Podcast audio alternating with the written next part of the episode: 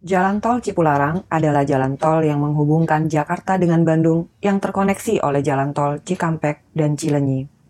Banyak cerita misteri yang beredar mengenai kemistisan jalan tol ini, terutama kilometer 90 sampai dengan kilometer 100. Dari tahun ke tahun selalu ada korban jiwa yang tewas diakibatkan kecelakaan lalu lintas, baik kecelakaan biasa maupun kecelakaan beruntun yang mengakibatkan banyak korban. Pada 2 September 2019 lalu, tol Cipularang kembali memakan korban. Insiden maut yang kesekian kalinya terjadi di kilometer 91. Kecelakaan beruntun tersebut melibatkan setidaknya 20 kendaraan dan jatuh korban jiwa sebanyak 9 orang serta 25 orang mengalami luka-luka. Sebelum tim supernatural investigator membuka tabir rahasia apa yang ada di balik tol Cipularang, ada baiknya kita mundur ke tahun-tahun sebelumnya untuk mereka ulang kecelakaan-kecelakaan hebat yang pernah dicatat oleh sejarah. Pada 24 Agustus 2011, tepatnya H-7 sampai H-7 mudik kala itu, 26 kecelakaan terjadi. 9 orang meninggal dunia dan belasan lainnya mengalami luka-luka. Kemudian, publik kembali dikejutkan dengan kecelakaan di bulan September tahun yang sama.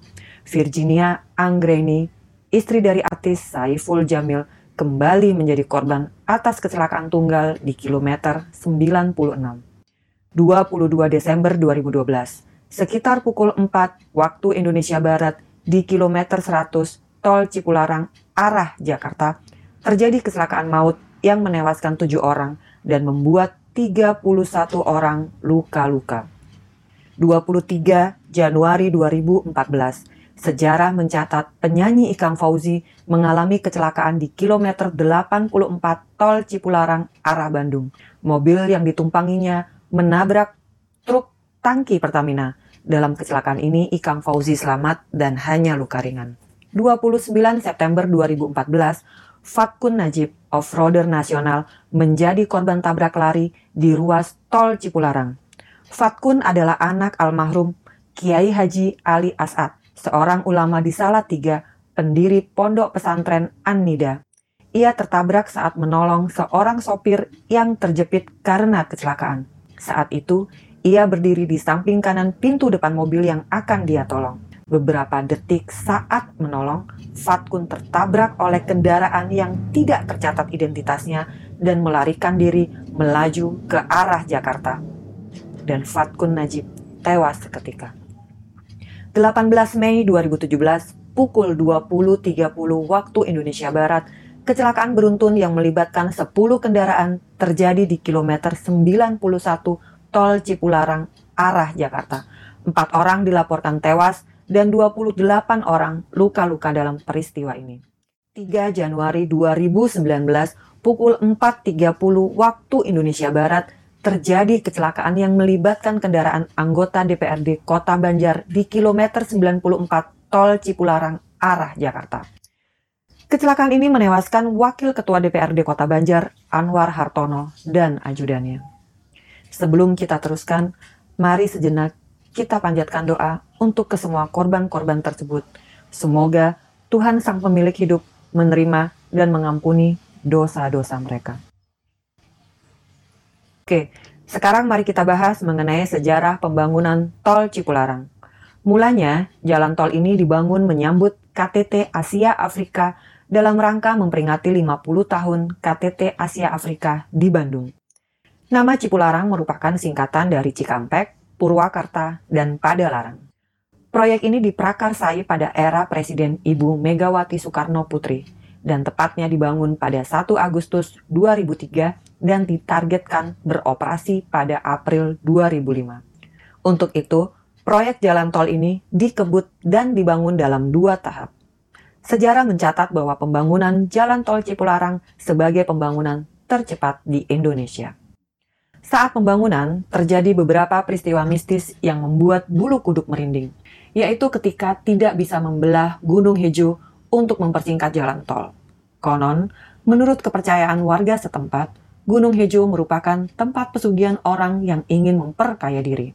Alhasil, pada waktu itu dibangunlah jalan tol dengan cara memutar dan di dekat Gunung Hejo dibangunlah Masjid Nan Megah untuk mengusir makhluk halus. Rencananya, para delegasi KTT akan melewati jalan tol ini menggunakan bis.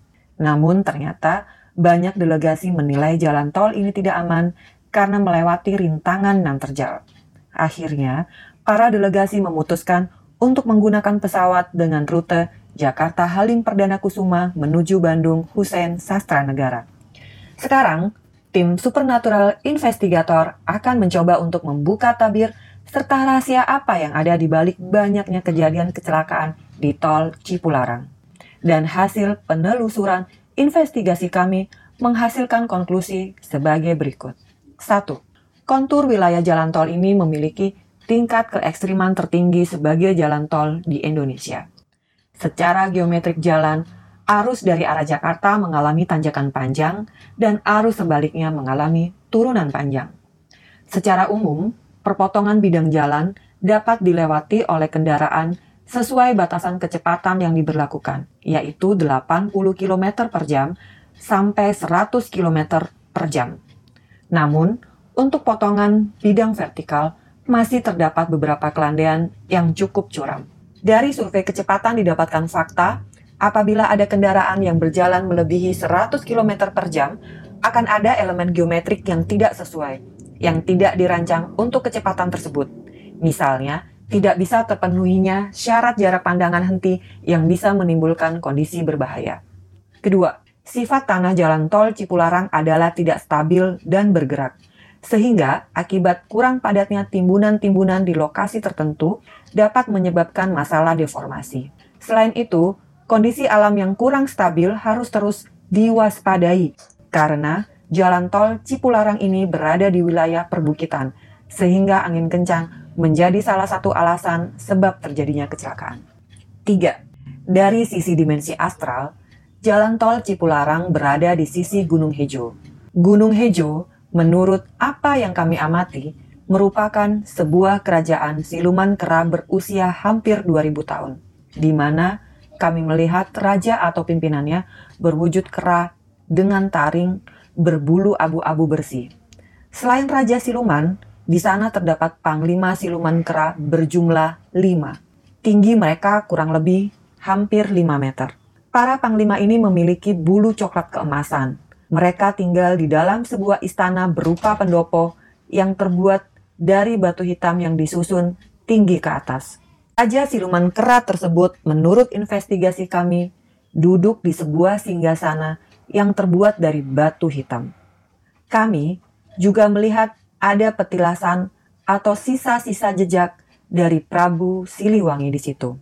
Konon, Prabu Siliwangi pernah melakukan perjalanan dan melalui gunung tersebut, kemudian dihadang oleh para siluman kera. Saat itu para siluman menyampaikan bahwa apabila ingin melalui wilayah tersebut, mesti meninggalkan yang berharga. Yang dimaksud dengan yang berharga di sini adalah nyawa Prabu Siliwangi. Namun, dengan kesaktiannya, Prabu Siliwangi akhirnya mengecoh para siluman kera dengan membuat tiruannya menggunakan kain yang beliau lilitkan di pinggang yang beliau kenakan ya boleh dibilang semacam ikat pinggang namun berbahan dari kain. Setelah beliau membuat tiruannya, beliau pergi melanjutkan perjalanan spiritual. Jadi memang sejak era Prabu Siliwangi, siluman kera yang berdiam di daerah tersebut merupakan makhluk barbar yang senang meminta korban bagi siapa saja yang melalui daerah situ.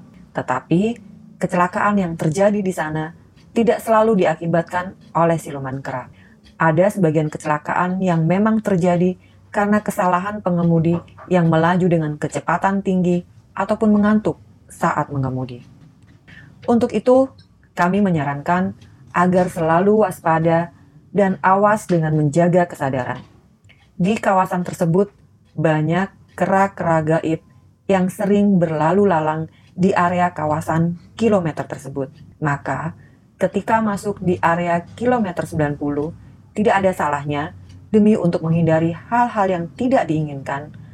Ada baiknya untuk mengucapkan salam serta membunyikan klakson.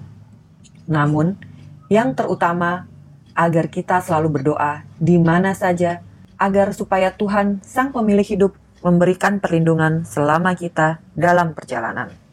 Kami rasa cukup sekian episode Misteri Tragedi Kecelakaan Tol Cipularang.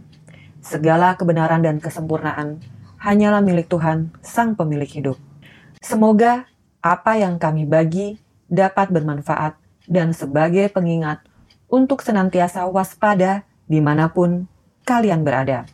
Karena ada banyak hal-hal yang tidak terlihat yang dekat dengan kehidupan kita. Terima kasih sudah setia dan senantiasa mendukung channel ini. Apabila ada cerita-cerita yang ingin kami telusuri, silakan tinggalkan komen di bawah. Nantikan kami, karena kami akan terus menggentayangi kalian dengan kisah-kisah yang lain. Sampai ketemu di episode yang akan datang. Wassalamualaikum warahmatullahi wabarakatuh.